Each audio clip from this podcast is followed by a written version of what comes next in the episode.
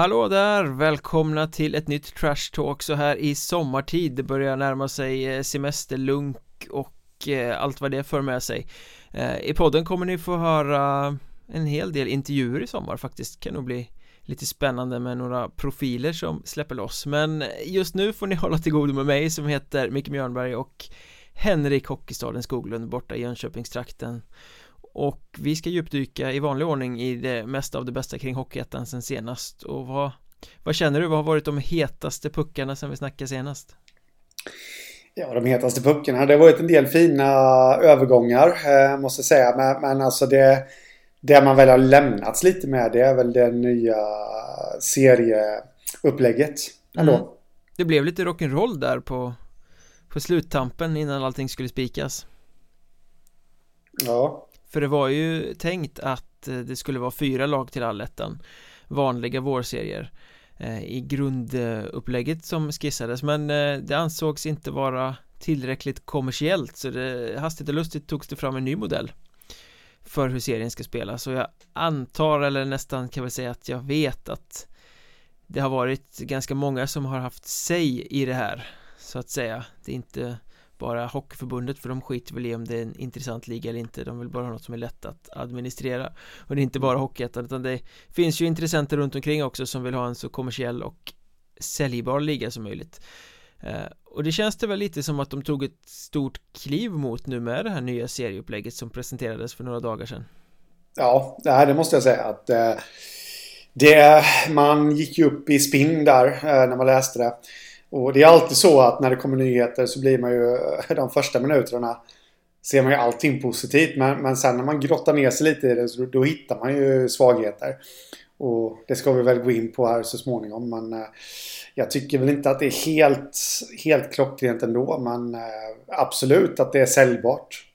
Ja, det som är viktigast i det här nya serieupplägget Det var ju redan klart egentligen Det vill säga att ligan är bantad så att det är fyra tio lags serier Som gör att vi får en kortare grundserie och sen snabbare på allettan eh, Den börjar redan i november nu eh, Efter att de har mm. spelat 18 omgångar i grundserien och där är ju jag odelat positiv Till att det blir färre matcher och spetsigare serier då I just själva grundserien Eh, du ja. kan som topplag inte såsa från början och sen ändå ordna allettan-platsen utan här blir det Var på tårna direkt och det tycker jag Det tillför någonting till Grundserier som ändå har varit ganska lunkaktiga tidigare Ja, jag håller med dig. Eh, jag satt faktiskt och räknade på det där. Jag har inget färdigt resultat för jag gav upp sen. Eh, men lite alltså kolla tabellerna efter 17 spelade omgångar. Grundserierna. Och det, då var det ju rätt tajt i mm. vissa serier. Eh, och det kommer ju bara spelas 18 omgångar då, så, så vi kommer nog få se en hel del maffiga avgöranden där i eh, november. Mm. I höst, alla redan. Sen, sen är väl inte jag, om man nu ska... Det känns som att jag får ikläda mig den negativa rollen här idag, men... Eh, alltså ska inte allettan starta annandag jul då? Eller 27 i mellandagarna?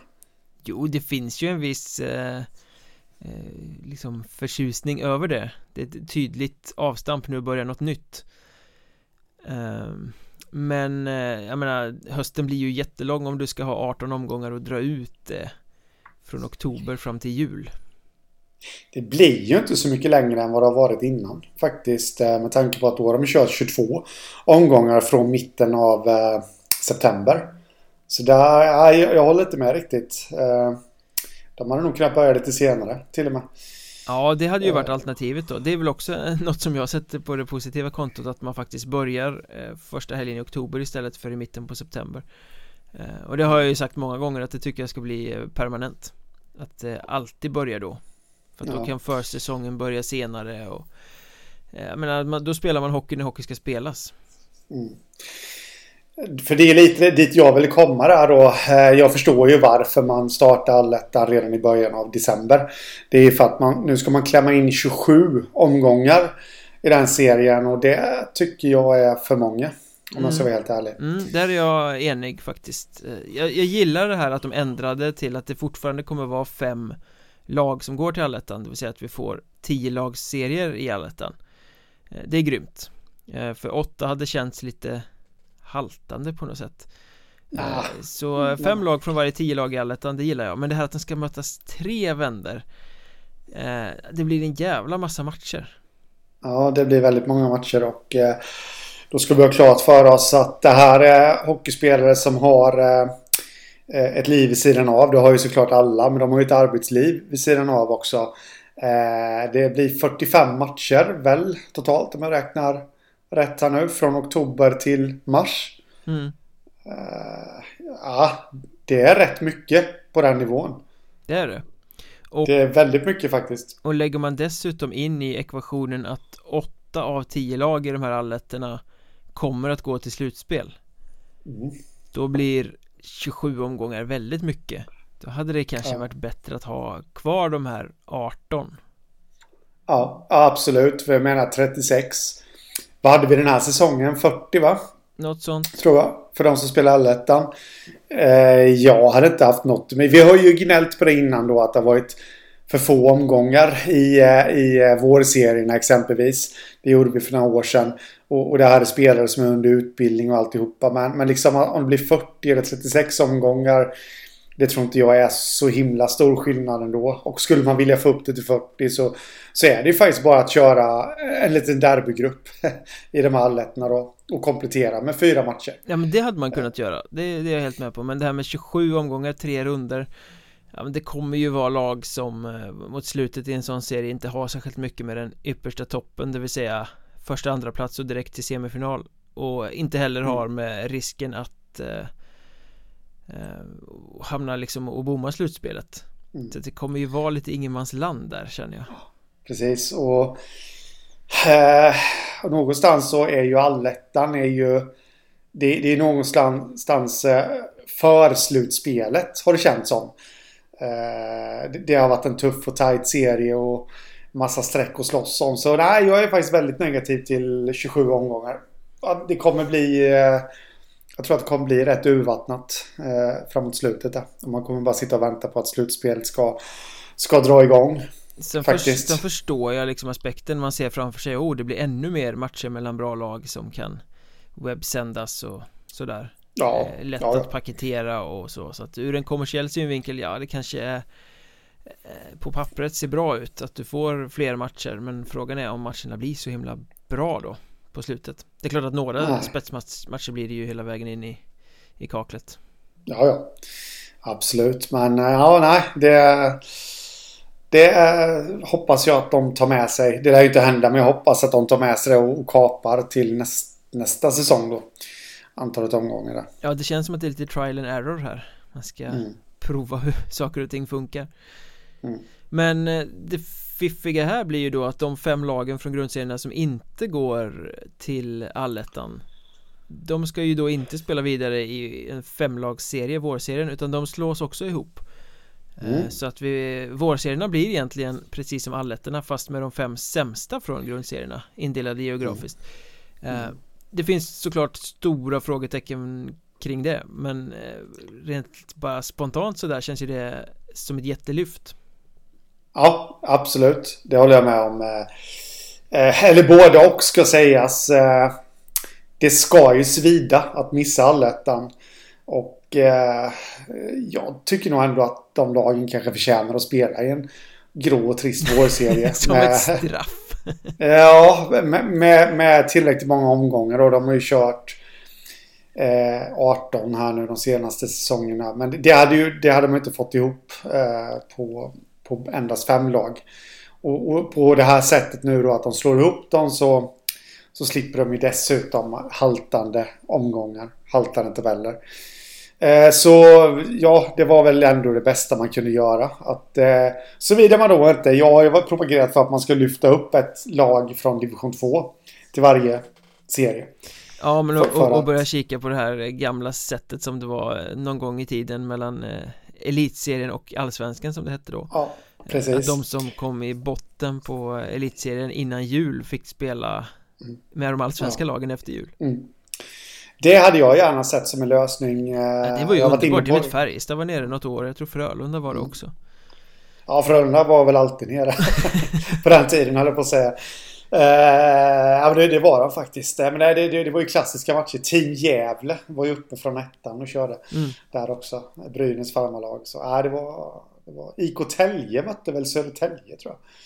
Ja, farmarlag mot, mot ja, sin huvudförening då om man säger mm. så. så det var, Ja, det var, nu sitter jag här och blir alldeles lyrisk ja, Man kan nostalgiskt drömma sig tillbaka ja. Eh, men de här eh, vårserierna, det blir ju också spännande då för de blir ju Dels så blir de ju hetare och det blir ju bra för då har vi två alerter, två vårserier. Mycket lättare för en medelintresserad eh, supporter att hänga med. Det blir inte massa serier konstigt. Och sen är det också ganska många streck ju. Eftersom seriesegrarna mm. i vårserierna direkt till slutspel och tvåorna och treorna till play-in Lag 7 till 10 ner i kval. Eh, så att det blir ju rätt mycket att spela om. Ja, det blir det och det är ju positivt men jag vänder direkt på ditt positiva utspel där och, och kör det negativa. För jag vill ju hävda att för vissa lag så kan det faktiskt vara en vinst att missa allettan.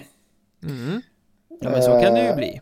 Mm. Om du vill ha eh, liksom för... den den enklare vägen in i slutspelet. Med den mm, baksidan Precis. att du inte får någon hemmaplansfördel och sådana grejer. Ja, förvisso, förvisso. Nu, nu tror jag inte att eh, någon med vilje skulle vilja missa allettan. Men, men det kanske inte svider lika mycket om man nu råkar göra det. Eh, eftersom, och jag skrev en krönika om det här och använde mig av Skövde som exempel. För Ett mycket, Skövde mycket, mycket gott exempel får man väl säga. Mm. Skövde har ju de senaste säsongerna tagit sig till allettan och man har suttit och trott på dem innan. Att ja, men det är, de, de, de, de kan nog gå hyfsat långt. Och så har de fallit igenom i allettan och bommat slutspel. Ja, du, du kan inte säga de senaste säsongerna, du kan säga mer än så. Det är tio år tillbaka ja. i tiden. Ja. De har väl tagit sig till playoff ytterst få gånger. Eh, ja, och någon av dem var de dessutom inte ens i allettan utan tog sig dit via vårserien. Mm. Och, och betänk då om de skulle hamna, för de kommer ju hamna i den södra vårserien då.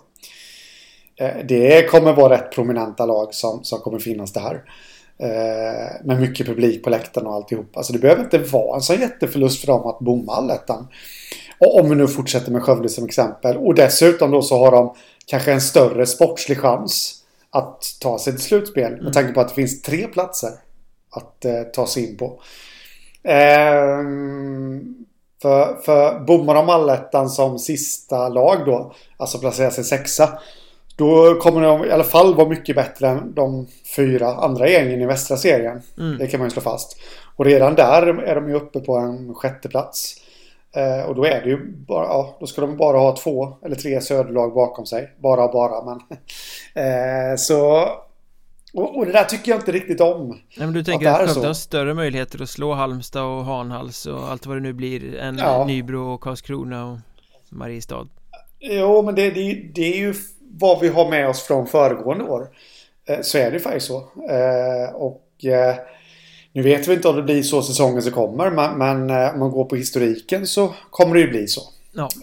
Det är nästan så mycket historia så det kan betraktas som fakta. Ja. Så...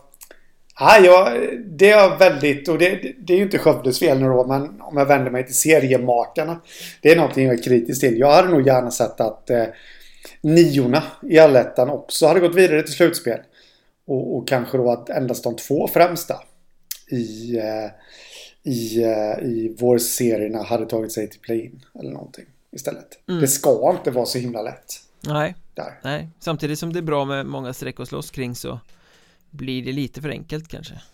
Ja, och det kommer ju bli Det kommer ju ändå bli rätt raffinerat där för eh, om man flyttar upp strecket ett hack i toppen så Det kommer inte vara så många platser däremellan ändå. Alltså, det är ett kvalstreck, fyra gäng går till kval. Där kommer det ju vara dramatik om något. Mm.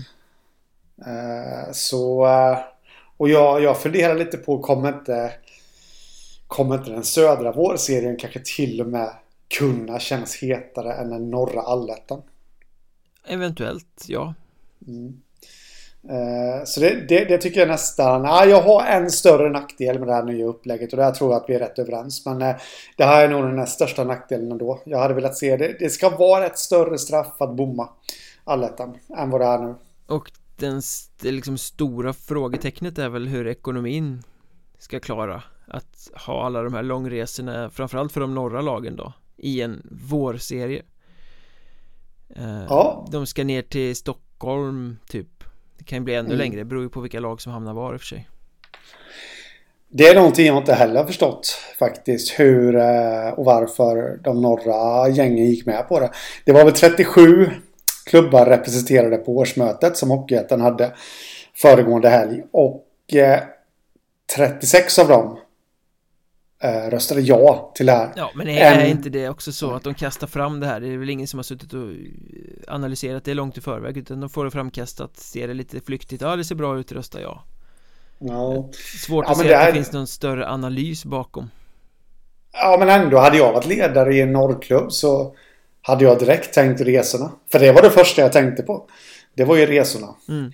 Eh, och jag menar, ja, nu har jag inget klockrent exempel så på klubb, men en, en, klubb i absoluta södern som vet liksom att de kommer eh, bomma allettan. Eh, kanske inte är så jäkla pigga på att ge sig upp till eh, ja, vad ska vi ta, Forshaga säger vi då. Mm. Liksom, en, en onsdag kväll. Det kostar ju ändå, istället för att åka till till ja, Norra Hammar i, strax utanför Jönköping som är lite närmare.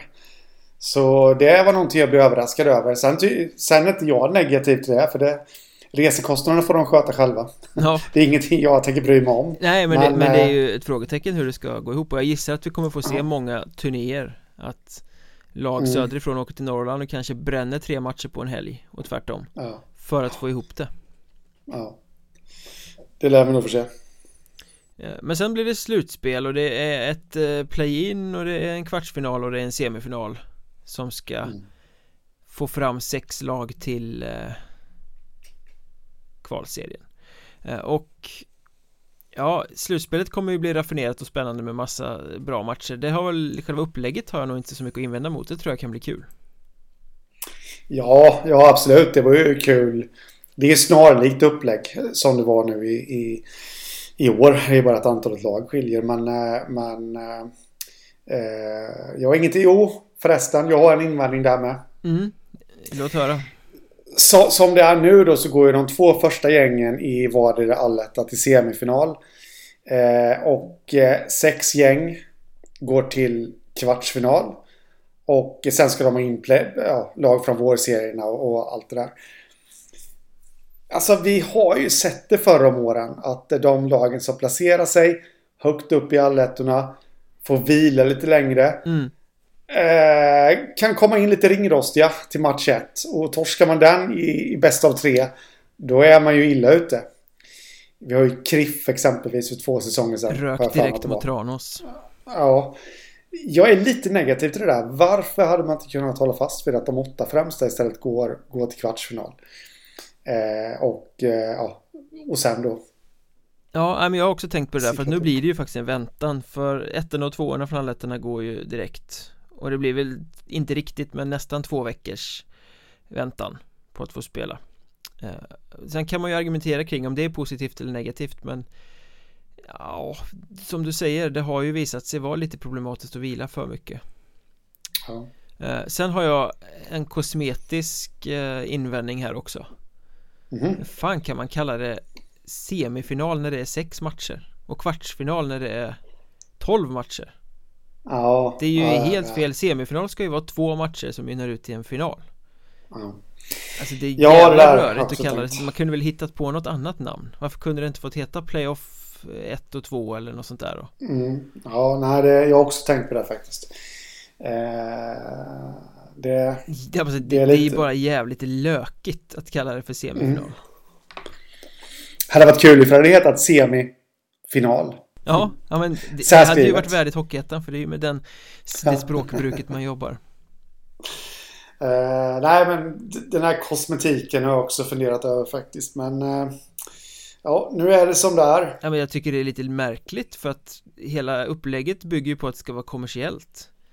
Mm. Och så presenterar man det på ett sätt som är så töntigt.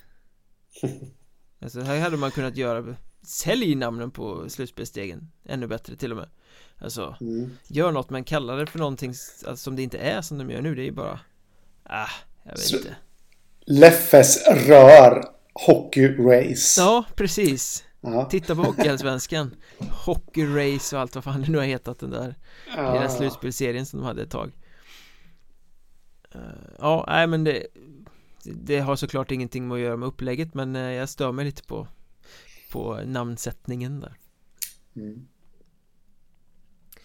Men som sagt, sex lag till kvalserien Ja Vad nej, det, tänker Henrik Hockeystaden Skoglund om det?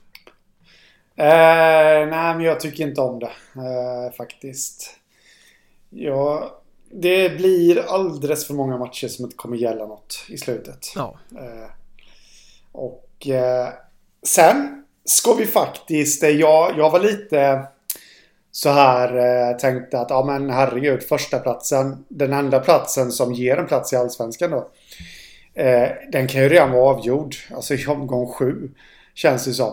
Eh, men så kollade jag de senaste säsongerna och det, det har faktiskt alltid varit eh, av max tre poäng marginal då mellan ettan och tvåan inför slutomgången. Så det, det borgar ju för att vi kan få något slags avgörande i alla fall. Ja, men... den typen av spänning lär ju leva. Mm. Men, ja, det får vi verkligen hoppas. Men serien som helhet kommer ju ha ja, förmodligen minst tre lag som avsågade halvvägs. Ja. Eh, om vi ska vända på steken här då att jag ska få säga något positivt för en gångs skull så, så är det ju positivt att det blir fler lag eh, som eh, är med och därmed fler supportergrupper. Eh, som engageras så att säga mm. i slutet av säsongen då. Det blir lite mer surr och alltihopa. Det, det är väl alltid positivt men eh, det, det är väl det enda positiva som jag hittar med att det blir sex lag. Ja, för när, när eh, kvalserien togs bort mellan SHL och Hockeyallsvenskan så var ju ett av de riktigt starka argumenten till det att det blir ingen sportslig rättvisa för att det är alltid lag som avsågade på slutet och det skapar en skev balans eh, jag tycker ju inte som ni vet att sportslig millimeterrättvisa är eftersträvansvärt så att jag köpte väl kanske inte riktigt det argumentet utan tyckte att men kvalserien är ändå ganska spännande som den är. Eh, men här blir det ju på ett helt annat sätt i och med att i den gamla kvalserien där var det två platser att slåss om. Mm. Här har vi en plats att slåss om. Och det gör ju att mm. lag kommer att hakas av mycket tidigare. Och jag tror inte alls på det där. Eh, På pappret ser det ju grymt festligt ut att ha en kvalserie med 30 matcher istället för 12 eller vad det var i den här fyra lagsserien. Men Hur kul blir de där matcherna omgång 6 och framåt med lagen som Nej. ändå inte har någonting att spela för Nej, nej, men precis. Det är ju exakt så där. Eh, men det, det här är ju lite som vi var inne på där att man ökar antalet matcher i, i allettan. Vi förstår ju varför man gör det. Man vill eh, sälja fler, sälja mer, eller tv-sända mer matcher helt enkelt. Maximera. Det är samma, ja, maximera. Och det är ju samma sak med kvalserien. Och där börjar man väl nästan känna att Ja, är det inte lite på gränsen till att kommersialisera sönder ligan faktiskt? Ja, det vet jag inte men eh, Man hade kunnat hålla fast vid den här Fyra lags kvalserien För mm. den var ju faktiskt spännande, där är det ju ja. När det bara är fyra lag så funkar det ju att det är en plats att slåss om mm. Och folk anför ja, som argument att ja men Är det sex lag då kan man ju reparera en eh, dålig förlust i början Ja, ja men ska men man kunna göra det då? Nej. Det är liksom Nej, I kvalserien ska du stå på tå och vara på topp och vinna dina Eh, de som säger så, de som säger så måste ju vara extrema motståndare till de här 18-lagsserierna i så fall. I, under hösten. Ja. Så då vill jag gärna se dem ställa sig på barrikaderna. Vi måste ha eh. dubbla rundor i grundserien. ja, precis. 36 matcher. Eh, plus de här 27 då. Ja, precis. Stackars, stackars arbetsgivare och arbetstagare, säger jag. Men, Men eh, som helhet mm, ändå. Eh, bra. Ja, det måste jag säga att, att det det, det... Men ja, jag ville faktiskt bara flika in en sak till där att jag, alltså jag blir mer och mer övertygad om att jag vet vad argumenten till en kvalserie var. Det var att man skulle få fler lag engagerade mot slutet. Det, det lanserade Hockeyettan för ett år sedan och det, det, det, tyckte jag var smart. Men frågan är om inte jag känner nu att, nej men kör hela vägen slutspel istället. Med utslagsmatcher. Och kör Hockeyettan-finalen, bäst av sju istället. Och, och där i ligger en pott. Eh, om en allsvensk plats. Eh, jag vet inte, jag, jag, jag, Fyra lags kvalserie, ja men det hade jag kunnat säga ja till. Men inte sex lag. Där, då är det bättre att köra ett rakt slutspel istället. Ja, men jag tror att kommande säsong kommer visa att det inte var någon särskilt smart lösning och att man efter det kanske backar från sexlagsserien. Mm. Ja, får hoppas på Men apropå de här grundserierna som vi precis var inne och nämnde igen så har det ju kommit Några är fastställda när vi spelar in, andra är fortfarande preliminära men Premiäromgångarna till eh, första helgen i oktober. Vad känner du kring dem då? Är det några matcher som kittlar? Rent, rent generellt var det ganska gråa premiärmöten faktiskt. Ja, bo, bo, både ja och nej. Eh, Jag vet inte, jag, jag hittade väl några godbitar där ändå som jag, som jag känner att eh, Att det, det kan vara värt att slänga något öga på. Eh, men exempelvis där eh, första oktober som väl är en fredag om jag inte minns helt fel. Piteå Östersund. Den tycker jag ändå ska bli rätt spännande att se. Ja, det är en fin liten ja. Eh, smygstart på säsongen. Ja, absolut. Eh. Och det är också intressant eftersom Piteå eh, två dagar senare då möter Teg hemma i sin mm. andra match. Så att, det är en tuff start för Ja, men intressant också. Piteå som väl vill vara ett topplag blir testade genom att möta två lag som kommer vara topplag. En mm. ganska intressant inledning. Mm. Sen eh, på söndagen där så hittade jag eh, en match, eller jag hittade flera matcher men jag hittade en match som jag tycker kittlar lite. Det är Hudiksvall-Vallentuna. Vad kittlar med den? ja, men jag vill veta var Vallentuna står. Faktiskt. Lite. Eh, kommer de bli bättre? Trots att det på pappret kanske kommer bli ett sämre lag nu. Kommer de ändå bli bättre mm. I, i år. Det är lite så jag känner eh, faktiskt. Men eh, den stora, stora tilldragelsen såklart. Och det, det kan vi inte snacka bort. Att den enda supermatchen egentligen. Mm.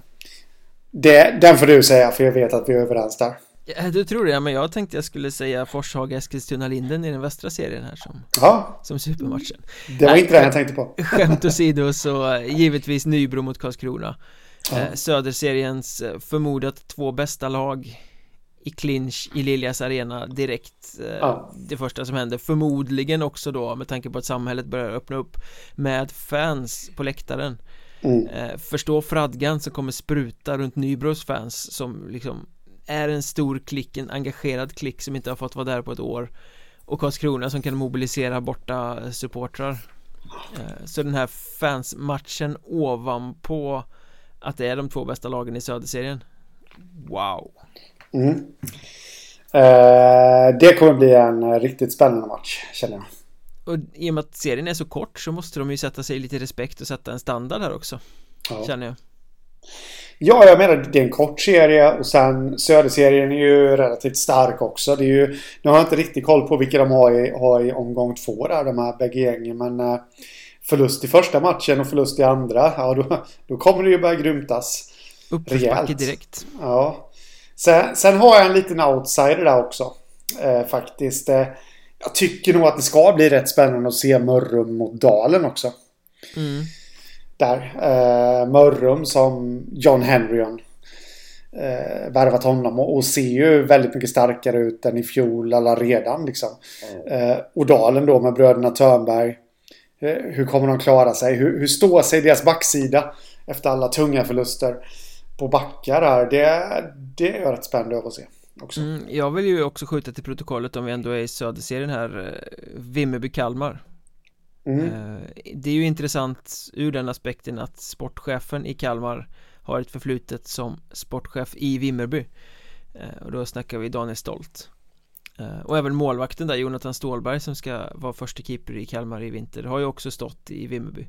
Mm. Så det finns lite sådana, även om Vimmerby-Kalmar kanske inte är någon rivalitet sådär som är jättestor på förhand så känns det ändå som en eh, intressant match med tanke på på släktskapet mellan eh, personalen så att säga. Ja, precis. Daniel Stolt derbyt. Precis. Sen är väl Lindlöven mot Mariestad i den västra serien också lite småintressant Är mm. Lindlöven på riktigt i år eller eh, har de fallit tillbaka från att vara ett lag som nämns i toppsammanhang? Ja Jag menar det, det ska man ju visa mot Mariestad då Mm. Men som helhet ah, Det var inte så himla många spännande matcher i premiärerna Det kändes som sagt grått Men det kan man ju också vända till något positivt För att en premiär säljer ju sig själv. Alla kommer ju vara efter den här coronasäsongen som gick så kommer ju alla vara hungriga på att äntligen få gå på hockey igen. Ja. Få komma ut till en premiär. Och då spelar väl kanske motståndet inte så stor roll. Och då är det ju Ja men då är det väl helt okej att det är liksom någon så här halvdan match som kanske hade lockat lite publik i lunken men som nu lockar massa publik för att det är premiär eh, Som ligger där. Istället för att man bränner av något derby eller någonting direkt. Eh, Utan Ja. man sprider ut publikmatcherna på det sättet Ja, men precis. Nej, jag, jag är helt enig där. Det, premiären säljer sig självt. Dit kommer folk ändå dyka upp. Och, och dessutom då för de som har borta, bortamatcher i premiären. Deras hemmapremiär kommer också sälja sig självt tror jag. Men, men, men framåt omgång tre, omgång fyra kan man ju bara salta på med de här intressanta matcherna. Och sen beror det ju liksom lite på hur, ja, hur det går rent resultatmässigt. Så, så kommer man ju få andra matcher som säljer sig självt också. Liksom. Jag är lite förvånad att så få matcher är flyttade till lördagen Ja. Jag kunde tänka mig att man hade velat sälja bärs där till sin premiär men Mm. Det kanske kommer Det brukar ju Ja. dribblas lite fram och tillbaka med speldatumen Ja, precis. Det var väl... Eh, jag har för mig nu, va, om jag inte minns helt fel, att eh, västra serien var helt spikad. Västra Oh. och östra, nu när vi spelar in är helt spikat Ja. Ja, just det. Ja. Och, och det, det kan man ju. Södra har ju fortfarande lite kvar innan den är helt spikad. Men eh, där blev jag också lite fundersam på varför. Det är ju två matcher från öst. Eller en från öst och en från väst som ligger på lördagen. mm. Det borde varit några till, kan jag känna. Också. Vi får väl se vad som händer med det där Ja. Men du, det har varit lite övergångar sen senast också som vi måste rikta lite spotlight mot Mm. Då tänker jag kanske framförallt på Anton Gustafsson till Sundsvall Det var Ja. en liten bomb Alltså Ja. här snackar vi en spelare med SHL-erfarenhet som har varit och spelat ganska många säsonger i, i högsta ligan i Schweiz Mm. Eh, Han gör absolut inga poäng Men eh, med tanke på att han har hållit sig kvar så Fyller han ju en väldigt stor funktion där det, det är ju en drömvärvning för en Hockeyettan-klubb Eller? Ja, ja det, det får man väl anta. Jag blir väldigt överraskad över att han hamnar i Sundsvall. Man hittar ju, som utomstående så hittar man ju absolut ingen som helst koppling mellan Anton Gustafsson och Sundsvall. Eh, Men det, den kanske finns där. Och eh, Det måste, Ja, jag- göra, det måste ju göra, man sitter ju inte i Ja. Schweiz och tänker ah jag ska flytta hem, jag väljer Sundsvall Någon Nej, koppling finns känns- det ju där känns lite som det. Och eh, äh, det är imponerande värvning av dem måste jag faktiskt säga. Sen är det ju lite det där och Kommer han bli... Det, är ju en eh, defensiv specialist liksom som kanske inte får spela så himla mycket och har fått spela så himla mycket i Schweiz utan han, han har köpt sin roll och, och fått hoppa in eh, ja, när, när läge har gett så att säga. Så, då. så frågan är ju vad han kommer bidra med offensivt. Det är klart han kommer bidra med kommer göra sina poäng för det är en helt annan nivå men eh, det, det, han kommer inte bli en sån som gör 100 poäng liksom. Men jag tror framför allt att det är rutinen som Ja. kommer vara ovärderlig för det var ju det som Sundsvall saknade i vintras De var ungdomliga och de var ystra och de spelade bitvis en väldigt fin anfallshockey men de hade ju inte rutinen utan de föll ju igenom på ett väldigt valpigt sätt när de väl spelade dåligt så att, att få in en, en sån kugge som har varit med och som kan framförallt det defensiva eh, Jättebra värvning Mm. Ja men absolut och det blir en attraktion också. För, för oss utomstående att se. Ja verkligen, det är kul för ligan också när det kommer in ganska många stora namn Du nämnde John Henry Ja. nyss också Mm. Som en sån Och i Karlskrona tog du in den finska keepern Mika Järvinen som ju har varit i Runt i världen i, i fina ligor Och spelat Mm. och, och presterat Till och med landslagsmeriterad från det finska Lejonatti eh, som de kallas för, här landslaget. Eh, många är skeptiska till den här värvningen. Är det så? Ja, jag har läst en del som är det. Eh, främst faktiskt till eh, från eh, fans till klubbar som, som ska möta Karlskrona av någon underlig anledning. eh, från just Karlskrona-håll har jag inte läst så jättemycket. Men Ja, det är många grundare på. Det är ju hans mindre smickrande säsong i Jukurit i, i den finska högsta ligan. Och eh, i förfjol när han körde i AIK i. Hockeyallsvenskan. Ett AIK som var i fritt fall. Eh, jag tyckte han var rätt bra där om jag ska vara helt ärlig. Innan dess så har han ju rätt fina meriter liksom. Han har gjort det helt okej okay i den finska högsta ligan. Till och med testat på KL i, i liksom, med bra resultat. Eh, och dessutom nu kan inte jag honom jättenoga så jag ska inte utmåla mig själv till att jag är någon Mika Järvenen-expert här. Men han har ju i stort sett bara stått i, i bottenlag de senaste säsongerna. Mm. Det är inte jättelätt att göra bra resultat. Och man får väl anta att Karlskrona kommer bli topplag här då. Och då, då kommer han få ett helt annat eh, arbetssituation. Ja, Karlskrona kommer ju liksom. garanterat bli topplag. Om man tittar på ja. truppen just nu så nej, det är de kanske inte. Eh, men då har de ju spetsen kvar att presentera. Mm. Det, är ju, ja, det ska ju in massor med mer spelare framåt i augusti. Och det är ju inte de små bomberna om man förstår saken rätt. Nej.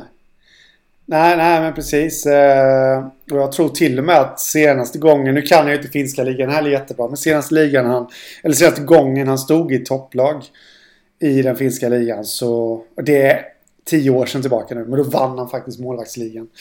Där i vårt östra broderland. Så att eh, det ska bli väldigt intressant att följa. Eh, innan jag går in på vad jag tycker ska bli mest intressant med det här så vill jag faktiskt bara föra till protokollet att Mika Järvinen faktiskt har gjort mål.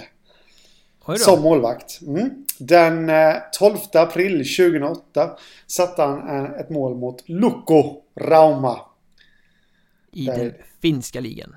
Ja, precis. Då stod han i uh, Galpa. Då var han väl fortfarande junior också. Snitsigt uttal där också. Ja, jag kan mina finska gäng. Men på tal om junior, Martin von Schultz är ju inte junior längre. And, andre keepern där. Ja, precis. Vad man får anta blir andre keeper i, uh, i Karlskrona. Men uh, ja, alltså han är en ung och lovande målvakt som jag har hört talas om uh, ända sedan han var 14 år ungefär. Eh, kanske inte sådana där jättetalanger men ändå någon som kommer bli någonting. Eh, och gick till Karlskrona i fjol och gjorde det bra när han fick chansen tycker jag. Bakom Marcus Hellgren där. Och eh, alltså jag kan inte hjälpa det.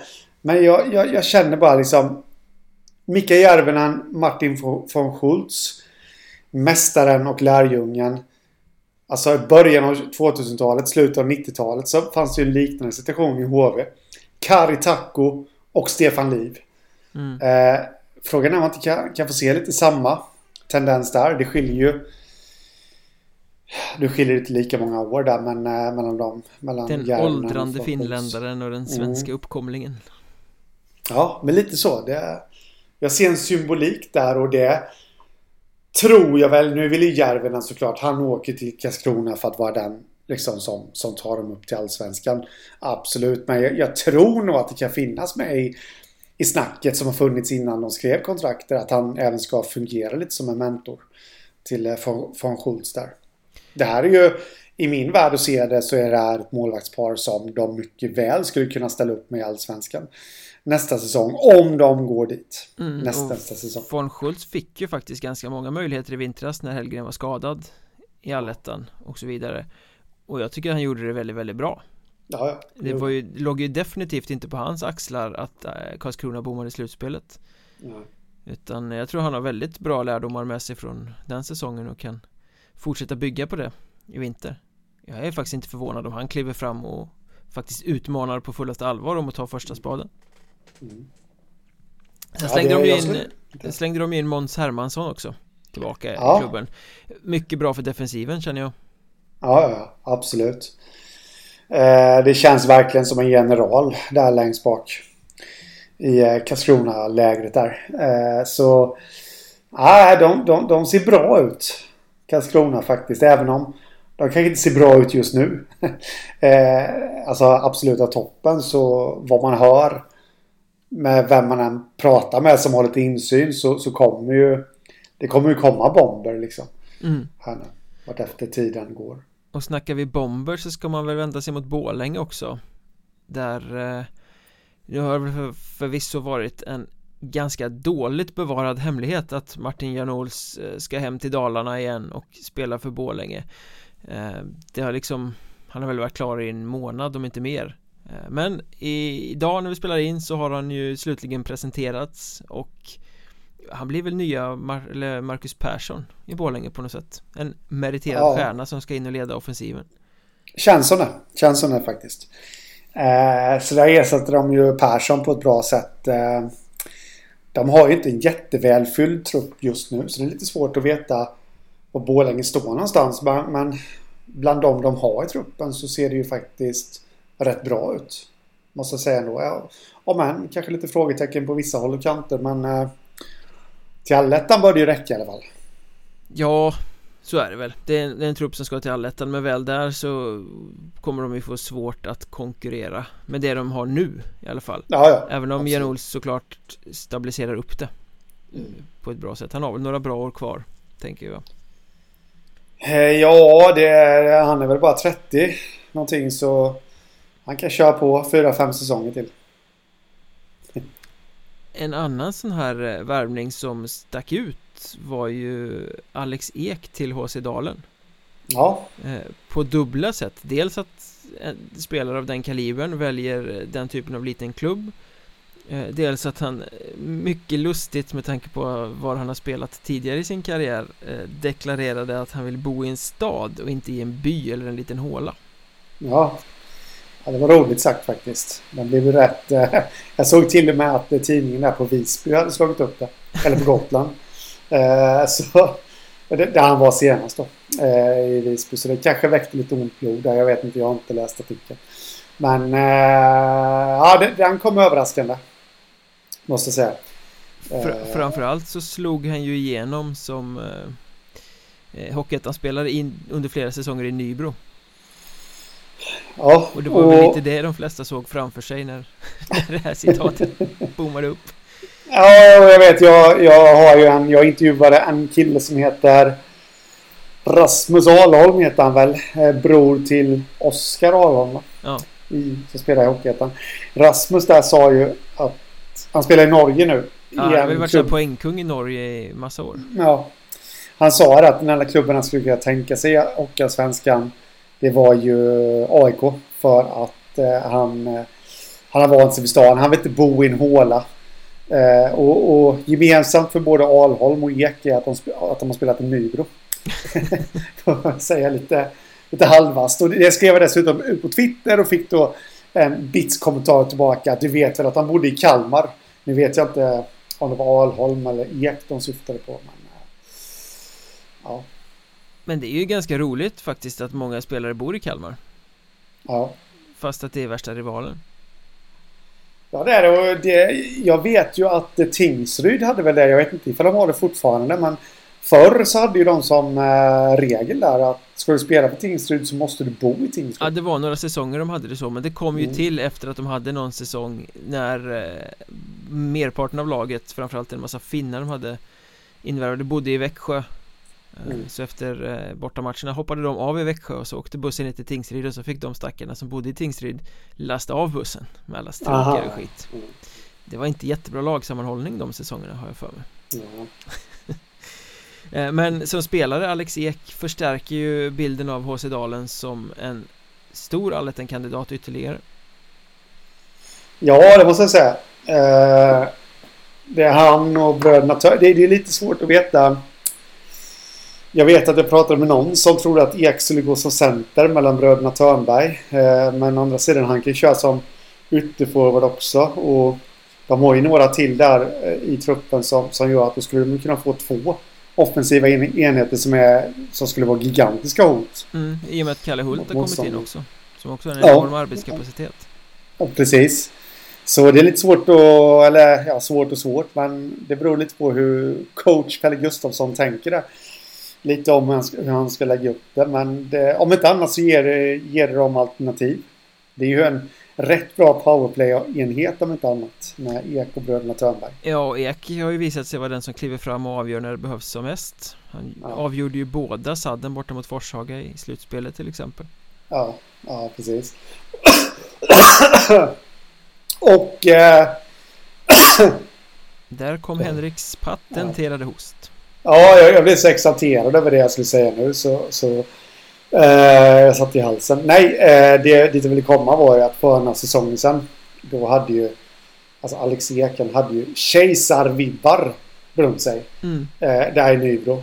Eh, alltså det var ju verkligen som att se en Mats Sundin liksom åka runt och ta tag i saker och ting. Och kan han hitta tillbaka till det? Det har inte riktigt varit så de senaste säsongerna men jag har för mig att han har varit skadad också. Om jag inte minns helt fel. Men kan han hitta tillbaka till det då, då kan det bli riktigt, riktigt bra. I Norra Hammar som man ändå får kategorisera är en håla. Eh, och en liten by. Men jag antar att han ska bo i Jönköping. Något annat vore väl väldigt överraskande. Jaha, var det en sån här liten ort? Norra Hammar, det lät stort. Precis. Men apropå storstan så stannar ju både Felix Liljegren och Dennis Nordström i Hanviken. Ja, Eh, starkt. De stora eh, poängliga, interna poängliga ledarna från eh, den Ja. säsongen. Felix Liljegren gjorde ju en supersäsong. Ja, det gjorde han. Och fick dessutom chansen i Allsvenskan också. Jag trodde väl kanske att det låg och lurade något allsvenskt kontrakt där i bakgrunden, men det gjorde det inte. Men Det, det, det, det, alltså att Nordström förlängde var inte jätteöverraskande för mig ändå. Känner jag. Han har ju ändå gjort en hel del säsonger i ettan och, och sådär och varit bra, men Liljegren slog ju verkligen igenom som rätt gammal får man säga. Vad är han? 27-28? ja, han jag var ju ändå- supertalang som blev skadad och sen har liksom både varit ledare Ja. och hållit till i lägre, Ja. på lägre nivå.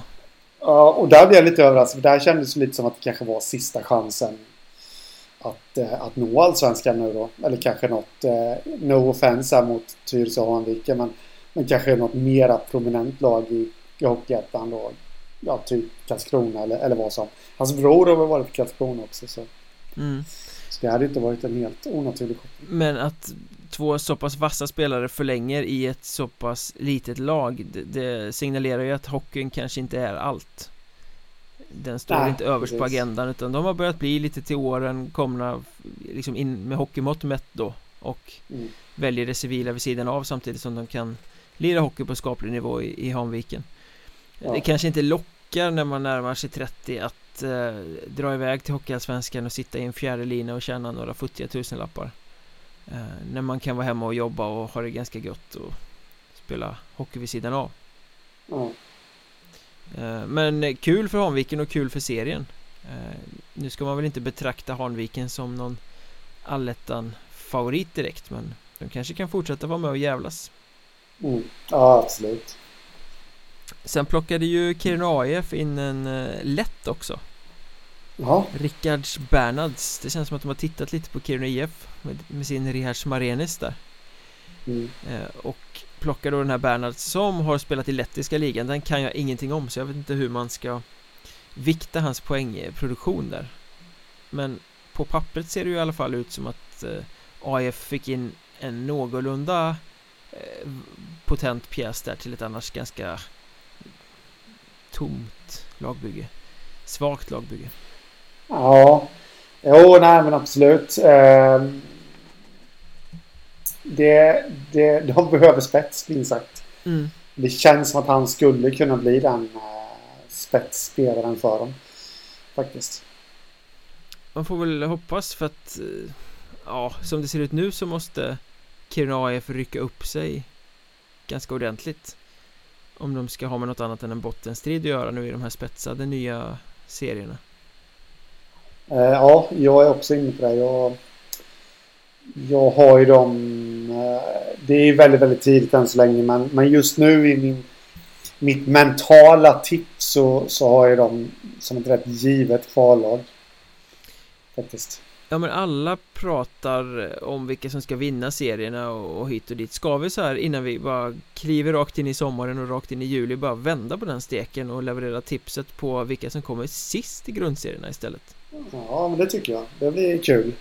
Det blir folk glada av. Ja precis, det är så muntert med sommar Vi, går- vi går in i semestern med ett jumbotips eh, Ja men för mig är det ganska självklart vilka fyra lag som kommer att komma sist Eh, ja, eh, inte helt självklart för mig. Och så som jag har resonerat så förstår ni ju då kanske att jag placerar Kiruna AIF sist i den norra serien. De klarade sig kvar med ett nödrop i sista kvalmatchen mot SK Lejon. Och det laget de har byggt så här långt ser ju mest ut som en budgettrupp.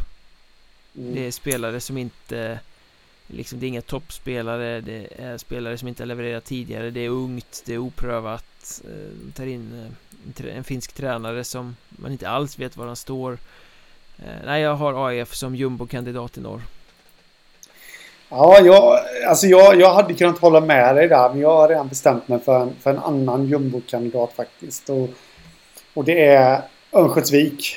Mm, De har jag som, som jag, nia i mitt kamikaze-tips. Ja, Ja, alltså de, har, de kändes ju väldigt heta och spännande för några säsonger sedan. Men, men efter det så har det inte hänt så mycket och det känns som att de... Det har det ju, det har ju hänt jättemycket Det är karusell in och ut men det är ju inte ja. så att det händer något i någon positiv riktning utan de bara, Nej, de bara byter halvmediokra spelare från säsong till säsong Ja, ja men det är lite så det känns och... Eh, ja, jag har svårt att se, visst Ludvig Nidbach absolut en kille som skulle kunna driva det här laget. Men, men just nu backsidan ser inte jättevass ut. Målvaktssidan är ju relativt oprövad. Värvat in eh, Linus Marko där. Som stod i SK Lejon i fjol och det vet vi hur det gick för dem. Det berodde inte på honom ska sägas. Nej, han gjorde en bra säsong faktiskt. Ja, men det är ändå liksom... Eh, eh, lyckades inte greja dem undan degraderingen då. Eh, Kommer han till ett annat bottenlag här. Ja, nej, jag, jag får inga bra vibbar av Örnsköldsvik faktiskt, måste jag säga. Eh, om vi tar eh, och åker ganska långt eh, sydöst då. Ner till mm. Stockholmsserien, tunnelbaneserien som man inte får kalla den för att bli folk upprörda. Eh, Men där är det också ganska självklart. Eh, Om man tittar, nu, nu när Sollentuna och Hammarby har kapats bort Så finns det egentligen bara ett lag som känns som en solklar given jumbo och det är ju Segeltorp Ja. Det är samma sak där, det är väldigt mycket ungt och oprövat. Och det är ju spännande, ja. det kan vara jätteduktiga killar, jätteduktiga talanger. Men för att sådana ska kunna växa så måste de ju också ha lite mer meriterade spelare att luta sig mot på något sätt. Ja. Och de meriterade spelarna, eller rutinerade spelarna om man säger så, som har varit i Hockeyettan några säsonger Som finns i Segeltorps trupp Det är ju sådana som har haft ganska modest framgång i andra klubbar Som inte har ja. stått på någon styv lina direkt utan varit utfyllnadsspelare mer. Så kids och utfyllnadsspelare ja, då blir det svårt att konkurrera. Ja men precis. Och sen uh, har de ju tappat uh, Sören Dietz Larsen. Uh, Lite oklart uh, Nej Oskar Ahlholm har ju gått till Tyresö. Hanviken där. Det var ju deras två bästa poängplockare Säsongen som var. Och de har man inte riktigt heller lyckats ersätta känner jag. Så nej, det, det känns inte så positivt där. Och i den västra serien då, om vi passerar där Där tycker jag väl också att det ser ganska solklart ut. Att eh, Kumla kommer få finnas i Karl Berglund till trots så kommer Kumla eh, få finnas i eh, att komma sist. Eh, de har liksom inte ja. shapat upp den där truppen. De var i kval nu i våras Trots att de hade seriens bästa kedja. Mm. Nu verkar det som att den slås i spillror de har inte värvat någonting som ser ut att vara i närheten av att kunna ersätta den. Eh, fortsätter att vara ganska orutinerade på tränarbänken. Eh, alltså jag ser inte lyftet i Kumla. Eh, och med tanke på vart de hamnade säsongen som gick så har jag svårt att se att de ska kunna undvika det igen. Ja, nej, jag håller med dig där och jag, eh, jag är väldigt överens med, om, om Kumla där också. Men däremot så tror jag att Carl Berglund är väl en sån spelare som skulle kunna få dem att höja sig lite, de här, de här yngre spelarna. Så jag, jag är inte riktigt helt säker på det. Jag tycker att det står mellan Kumla och Köping faktiskt. Eh, just nu om vilka som ska ta sista platsen där. Men jag har dessutom en liten, liten outsider. Om vi, om vi snackar eh, just nu tips. Mm. Eh, och det är ju faktiskt eh, Forshage. Som i så fall skulle gå ifrån eh, succé i allettan till att komma sist i den västra serien. Nu vill jag bara flika in att detta gäller just nu. om hur truppen ser ut. Jag har läst någonstans att de har egentligen hela sin trupp klar men de har inte presenterat alla än. Men som det ser ut just nu, de, de har tappat Viktor Lennartsson. Det var ju lite han som kunde driva det här laget. Eh, de har ju tappat tränaren framförallt, Dennis Hall. Mm. Som såg till att de, eh, att de ja, fick en helt annan kultur i, i klubben liksom. Och det, de kunde spela snålt och alltihopa där. Eh, och samt då dessutom eh, Joel Källström Englund som ska flytta till eh, Malta. Malta. Och sen då så vet vi ju inte David Söderberg, målvakten. Eh, som, han var ju fantastiskt bra för dem i kvalet och, och dessutom i allettan också. Mm. Som tydligen har, har fått tillökning i familjen. Eh, han lär väl inte gå någonstans men blir det fortsättning så lär det väl bli Forshaga då om jag har förstått saken rätt. Men, men blir det en fortsättning? Så just nu, utan att veta hur truppen ser ut, eh, som sägs vara klar men inte kommunicerar ut sen, så det man ser på Elite Prospects eh, i färdig trupp så ser det inte jätteimponerande ut faktiskt. Lite varningsflagg där alltså? Ja, varningsflagg hör jag. Och eh, avslutningsvis då Söderserien, det vill säga serien där egentligen alla tio lag har ambitionen att ta sig till allettan. Mm. Eh, det är väl egentligen där det kommer vara hårdast slag att komma sist, tänker jag. Men det känns ändå ganska självklart vilka det blir. Ja, jag kan inte se annat än att Hanals tar den platsen. Nej, det tror jag också. Jag är ganska övertygad om att eh, Av flera anledningar. Eh, Det är så väldigt många andra lag som rustar upp stort och Hanals har inte tillräckligt med resurser för att kunna värva på det sättet som många andra gör.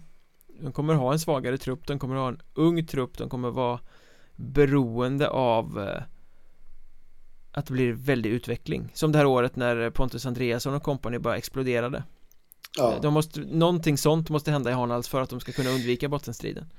Ja men och i fjol också. Ludvig Levinsson eh, alltså vann ju deras interna poängliga. Eh, var ju riktigt riktigt bra eh, junioren där och, men laget gick ju inte särskilt bra för det. Nej, men det, då, då, var de in, ingiven bottenkandidat om man säger så. Mm. Eh, men men det, ja, det krävs ju att de får in någon från Frölunda. Juniora på lån. Ja. och det har de väl lyckats med tidigare så ja, på så vis varför skulle de inte lyckas med det nu? Men sen är jag lite också tveksam till hur det kommer bli med Per Justereng som tränare där också. Eh, mm. Med tanke på hans kravbild och att han är ju bestämd och, och det är ganska tufft ja. Eh, man kan ju inte ställa riktigt hur höga krav som helst på en eh, ung förening utan resurser Jag menar, är du tränare i Hudiksvall då kan du ställa extremt höga krav Du kan inte ställa samma krav i Hanhals ja. Eh, och det tror jag att han kommer göra För det är ja. hans stil Och då är frågan, är Hanhals redo för det som komma skall? Vad mm. gäller krav och inställning ja, det återstår att se. Är de inte det så är ju bottenplatsen ännu mer cementerad på något sätt. Ja, det måste jag säga. Sen med det här nya upplägget också då så känns ju ändå som att han alltså väldigt goda möjligheter till att undvika kval sen. Eh, när de ska slås ihop med väst och östlag. Fast det är en helt annan historia. Den lär vi få det... anledning att återkomma till. Får bli en annan podd helt enkelt. För nu ska vi fortsätta på Patreon där eh, ni som stödjer podden med några futtiga kronor i månaden vilket vi är ödmjukt tacksamma för eh, det gör att vi kan driva runt det här på ett eh, så bra sätt som möjligt och bland annat möjliggöra att det kommer komma sköna intervjupoddar hela juli eh, Ni får också bonusmaterial. Vi gör en bonuspodd varje gång vi gör en vanlig podd och den här gången ska vi prata om lagen som engagerar både på sociala medier och i största allmänhet. Eh, Vi tittar närmare på vilka som är bäst faktiskt när det gäller att skapa engagemang och så vidare kring klubbarna i Hockeyettan. Missa inte det, gå in på patreon.com och så söker ni Mjölnbergs Trash Talk om ni vill vara med och stötta och lyssna. Eh, Till dess så hörs vi väl. Det gör vi. Ha det gött 那什么？下。